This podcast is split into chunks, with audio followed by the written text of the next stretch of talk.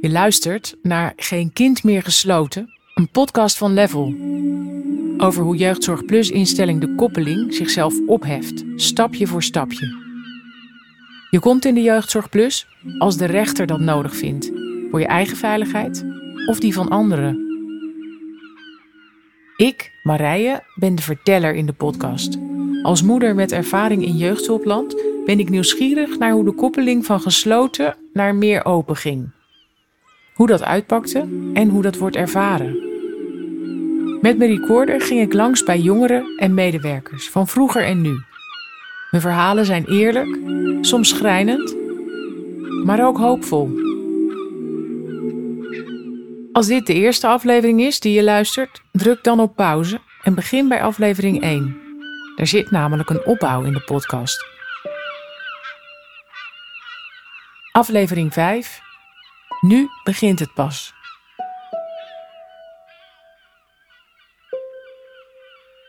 Er kringelen bijna geen nicotinedampen meer boven de binnenplaats van de koppeling. Nu met de jongeren ook de rookmomenten verdwenen zijn.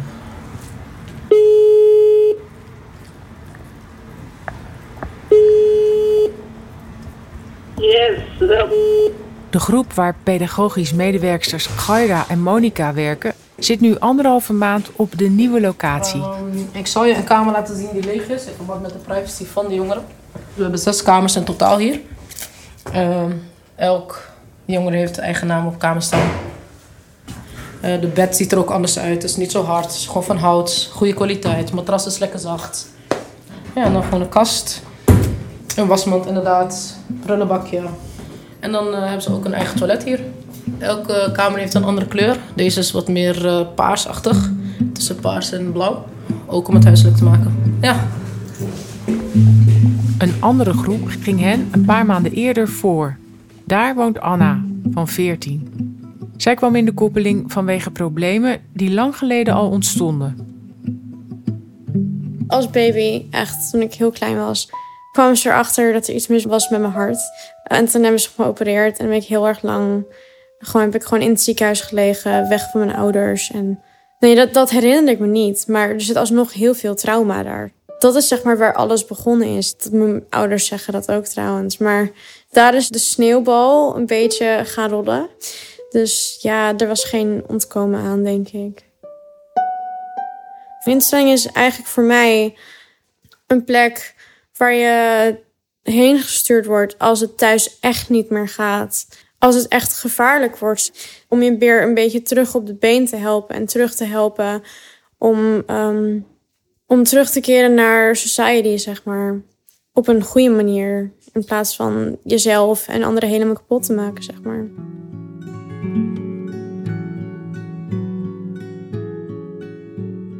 Als een van de weinige jongeren kan Anna het vergelijken.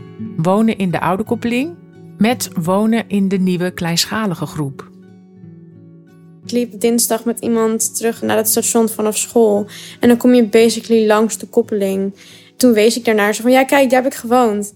En die persoon die zei van, ja maar dat is toch een gevangenis. En, en ik, werd niet, ik werd niet geholpen daar. Dat gevoel heb ik hier een stuk meer. Want ik heb nu EMDR, eh, ik heb beeldentherapie als het goed is. En ik heb systeemtherapie met mijn ouders. Dus dat is gewoon heel fijn. Dus ja, hier voel ik me ook veel meer geholpen. En dat, dat, dat, gaat, dat ligt niet per se aan de plek. Uh, maar ik associeer het er wel mee, zeg maar. En het voelt gewoon een stuk opener. Ook al is dat het niet, zeg maar. En dan lijkt ook de, de regels en de afspraken en de... Het, zeg maar, het proces van de koppeling lijkt dan een stuk minder heftig. Omdat het minder gedwongen voelt. Voor mij in ieder geval.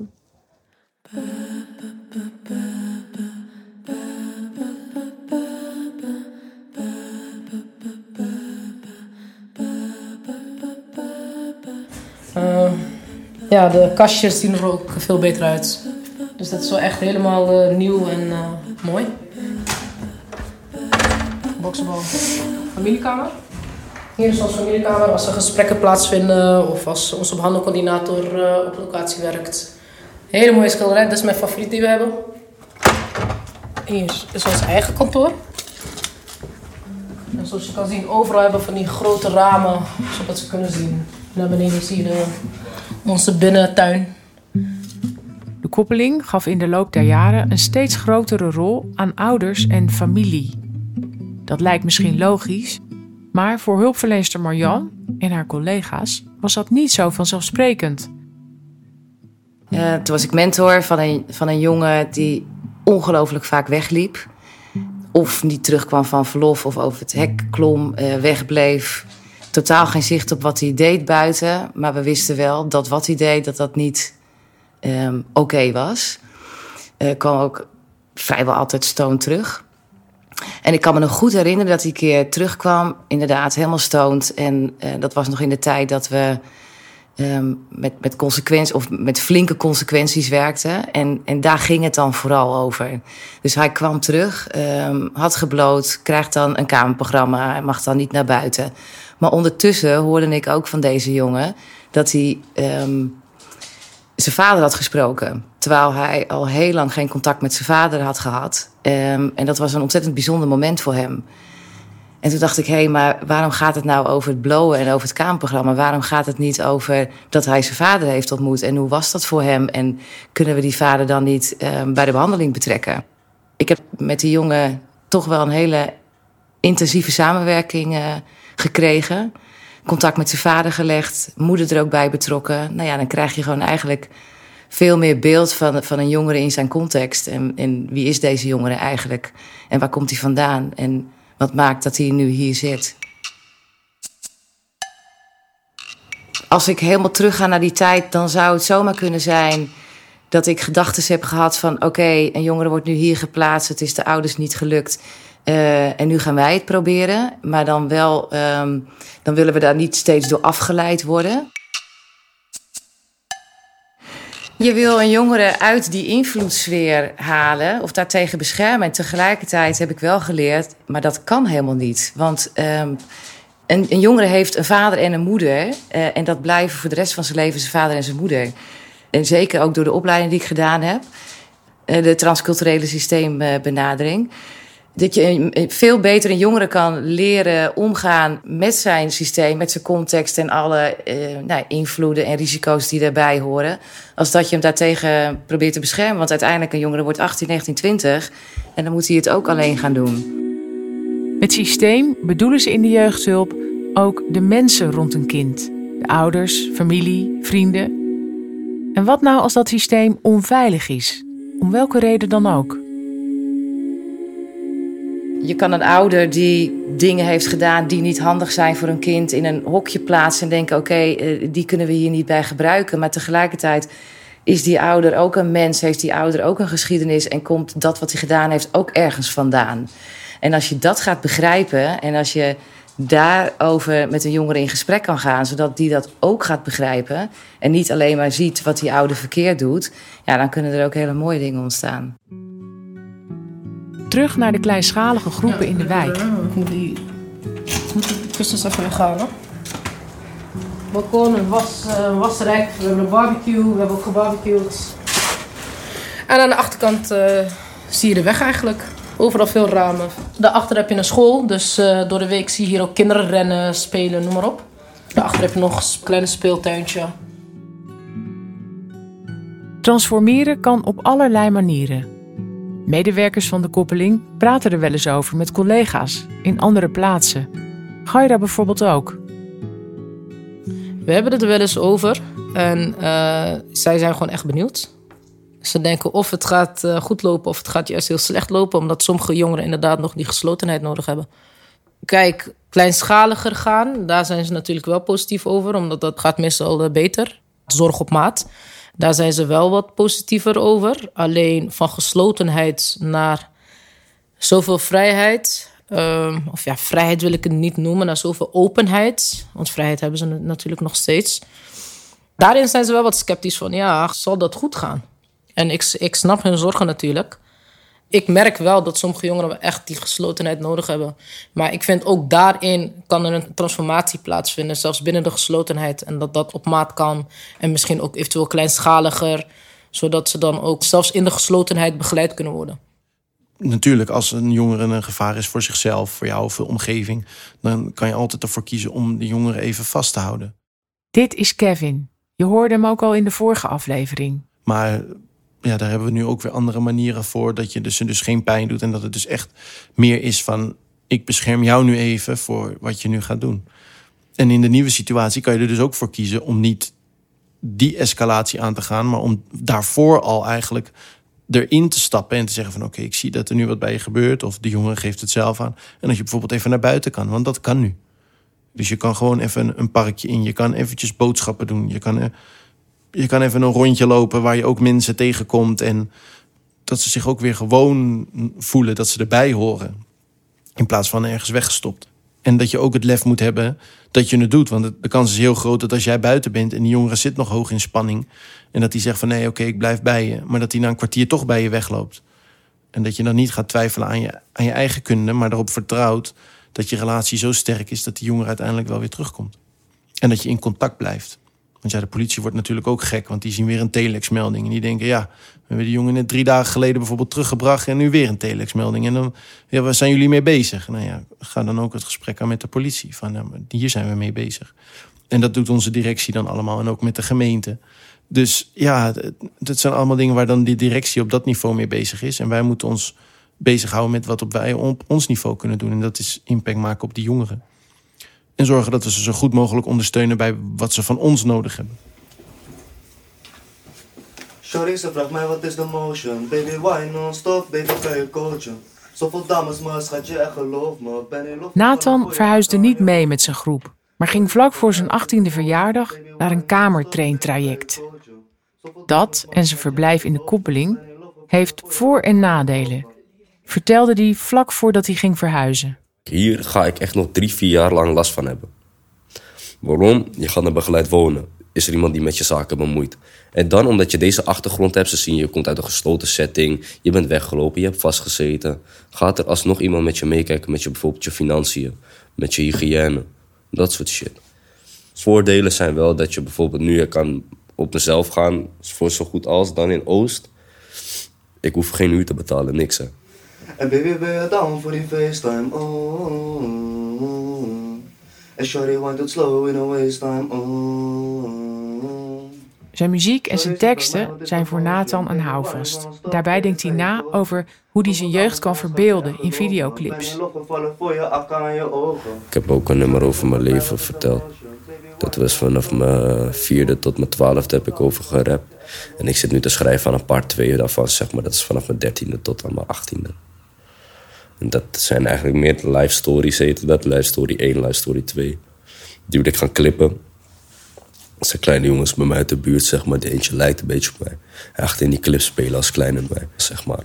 dan komt er iemand van 13-jarige leeftijd, gaat weer spelen als iets ouder dan mij. Dan kom ik zelf in die clip. Zeg maar, die, die verhaallijnen, daar hou ik wel van. Daar moet je ook gewoon mee bezig zijn. Nathan worstelt nog met drugs. Hij is net begonnen met zijn behandeling in een verslavingskliniek en het gaat goed met hem. Van zijn muziek en teksten maakt hij, is het idee, een eigen podcast. Ook al is een situatie van een jongere in jeugdzorg vaak complex en is zorg nodig, het blijft ook een puber. En die hoort dingen te doen als grenzen opzoeken. Voor de hulpverleners een uitdaging om het normale te blijven herkennen. Marjan. Er was een, uh, een, meisje die was ook opgenomen binnen de gesloten jeugdzorg, binnen de koppeling. Uh, die was heel erg aan de drugs. Alle vormen van harddrugs, denk ik wel. Uh, die had ook een vriendje die heel erg aan de drugs was. Maar die waren super verliefd op elkaar. Iedereen, hulpverleners, ouders, nou ja, alles, alle volwassenen die om de jongeren heen stonden, dachten: oké, die jongen moeten we echt zo ver mogelijk bij dit meisje vandaan houden. Maar dat kan natuurlijk helemaal niet, want die, die zijn hartstikke verliefd. En, en hoe verder je ze bij elkaar vandaan houdt, hoe meer ze natuurlijk naar elkaar toe trekken. Want dat is het enige wat ze hebben.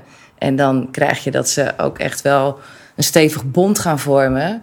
Dus mij werd al heel snel duidelijk, en toen zat ik al in dat hele het, transformatieproces van die context is zo belangrijk. Het systeem is zo belangrijk. Het netwerk is zo belangrijk. En dan met name de vrienden, want die zijn natuurlijk misschien nog wel belangrijker op die leeftijd uh, als ouders. Dus toen ben ik gaan nadenken over hoe kunnen we nou deze jongen erbij betrekken. dat werd natuurlijk niet door de ouders van dit meisje omarmd. En dat snap ik ontzettend goed. Ehm, dus daar heb ik ook best wel veel met hun over gesproken. En gekeken, ja, hoe kunnen we dat dan goed organiseren... zodat daar uh, ja, wel grip op blijft. Ik ben toen met haar een levensboek gaan schrijven. Er staan pagina's in die dan door de ouders ingevuld kunnen worden... of als een kind in een pleeggezin heeft gezeten, dat je daar ook op bezoek gaat en diegene wat laat invullen, herinneringen ophaalt, foto's erin plakt, um, scholen, verschillende jeugdzorgplekken. Nou ja, dat je overal herinneringen ophaalt en in dat boek zet. En toen hebben we afgesproken, de ene week doen we dat samen met z'n tweeën en de andere week nodigen we ook je vriend erbij uit. Een vriend die drugs gebruikt, erbij vragen. Haal je de problemen dan niet erg dichtbij? En dat is natuurlijk echt wel met ups en downs gegaan. En dat hele ingewikkelde situaties gehad. En dat ik ook echt wel op het puntje van mijn stoel heb gezeten van... oh, wat heb ik gedaan? Uh, en dan dat, ze zijn echt nog wel eens een keer weggelopen of drugs gebruikt. En dacht, oh shit, dat heb ik gedaan. ik heb haar toch uh, die kant op geduwd. Maar uh, de keren dat haar vriend er dan bij was... Die, die werd ook onderdeel van dat hele proces. En die ging ook praten. En die ging ook delen. en dat was zo mooi, want ja, toen werd gewoon heel duidelijk: deze jongen is, is een mens met een, met een geschiedenis. En heeft ook een hele goede reden om te doen wat hij nu doet. En, en wil eigenlijk ook heel graag zijn verhaal kwijt. En um, door dat op die manier te omarmen, um, zag ik dat meisje ook groeien. En zag ik haar ook veel meer in haar kracht staan. En ze kon ook meer bij zichzelf blijven en denken van... hé, hey, het is een hele leuke, fijne relatie, maar er zitten ook risico's aan vast. Ze hoefde in ieder geval niet meer tegen ons te vechten, waardoor ze ruimte ging uh, creëren voor zichzelf om te kijken: hey, wat is goed en gezond voor mij en wat niet. Um, en dat heeft, nou ja, zoals ik erop terugkijk, maar dat heb ik ook wel van hun teruggekregen, dat het hun best goed heeft gedaan. En ze zijn ook allebei van de drugs afgegaan. De ouders van dit meisje hebben uiteindelijk de jongen ook omarmd omdat ze allebei zo'n mooie ontwikkeling hebben doorgemaakt. Ja, vond ik echt uh, fantastisch. Ik heb ze nu al een tijd niet gesproken, maar zeker nog wel een lange tijd daarna. En toen waren ze nog steeds bij elkaar. Ja, dus dat, dat, is, dat is echt een van de mooie verhalen waar ik op terugkijk. Tien jaar hard gewerkt aan nieuwe benaderingen vanuit nieuwe perspectieven. Zijn het genoeg handvatten voor de toekomst? voor het werken en wonen op kleinschalige groepen. In het bijna lege gebouw van de koppeling bekijkt Kevin zijn sleutelbos. Wat we in gedachten hadden, waar we hier binnen mee bezig waren, werkt dat ook op een andere manier. En dat ze ook een, een, een puzzel worden van: oké, dit werkt dus niet, dat werkt dus wel, dat werkt dus niet. Oké, dan moeten we daarmee verder gaan en dat, nou, dan moeten we dat maar laten. Dus het wordt echt het wordt een lange adem. Want de medewerkers die moeten een lange adem hebben voor waar ze naar op zoek zijn wat werkt. En dat ze tegen heel veel muren aan zullen lopen wat niet werkt. Om hun werk wel te blijven doen en gemotiveerd te blijven om te doen wat ze doen. Um, en niet zomaar te denken van ja, dit, uh, dit heeft geen zin meer. Uh, ik ga wel wat anders zoeken. En van de jongeren die dus moeten begrijpen in welke zoektocht de medewerkers zitten en in welke struggles ze terechtkomen. Van ja, dat het ook allemaal anders is en nieuw. Ja, als, als medewerker, als uh, pedagogisch medewerker, moet je toch meer, meer dat voortouw nemen in die zoektocht. Um, en, en het begrip van de jongeren eigenlijk kweken van ja, weet je, ik ben ook aan het zoeken. En ik ben ook mens. Uh, het kan ook fout gaan. En het is ook voor mij nieuw. Uh, ja, we moeten het samen doen. En dat is ja, wat ik zeg, van het begint nu pas. Ik bedoel, die toko dicht doen uh, en een andere plekken. Als je die andere plek hebt, dan is het heel makkelijk. Dan verhuis je die jongeren. Ik zeg het wel zwart-wit, maar zo kan je het zien. Je kan er gewoon verhuizen en je gaat daar met z'n allen zitten en, eh, en, dan zit je daar. En dan kan je zeggen van, weet je, geslotenheid is dicht en we zijn uh, verhuisd naar de wijk. Ik denk dat elke instelling in Nederland dat zou kunnen doen als je de ruimte hebt in de wijk. Maar het gaat erom van wat zit erachter? Hoe ben je ermee aan het werk? Eh, je kan niet ineens als je nog in een instelling zit waar je en nog uh, dagelijks fixeert. Als er nog dagelijks alarm wordt gelopen. Als je nog dagelijks misschien wel separeert. Naar ineens een plek gaan midden in de wijk waar het allemaal wat, wat vrijer is. En uh, de deur is nog wel dicht. Maar je bent nog wel echt bezig met die presentie. Dus echt de relatie van de jongeren. Ja, dan werkt het niet. Dus je moet zelf al stappen nemen. Het is niet over één nacht ijs gaan. Het heeft jaren geduurd voordat we zijn waar we zijn. En nu begint het pas echt. Nu begint het pas. De titel van deze laatste aflevering. De medewerkers maken hun borst nat. Lukt het in de kleinschalige groepen zonder dwang en drang? Vallen er geen jongeren buiten de boot nu? En zo ja, welke plekken zijn er dan voor hen? En hoe zullen de kleinschalige groepen die nu net gestart zijn zich ontwikkelen? Welke uitdagingen zijn er nog in het proces van de transformatie? Genoeg stof tot gesprek. En gesprek is ook precies de bedoeling van deze podcast, die hier voorlopig stopt. Je luisterde naar aflevering 5 van Geen Kind meer gesloten, een podcast van Level, waaronder Jeugdzorg Plus instelling De Koppeling valt en intussen viel. Je hoorde Nathan en de hulpverleners Gaira, Marjan en Kevin.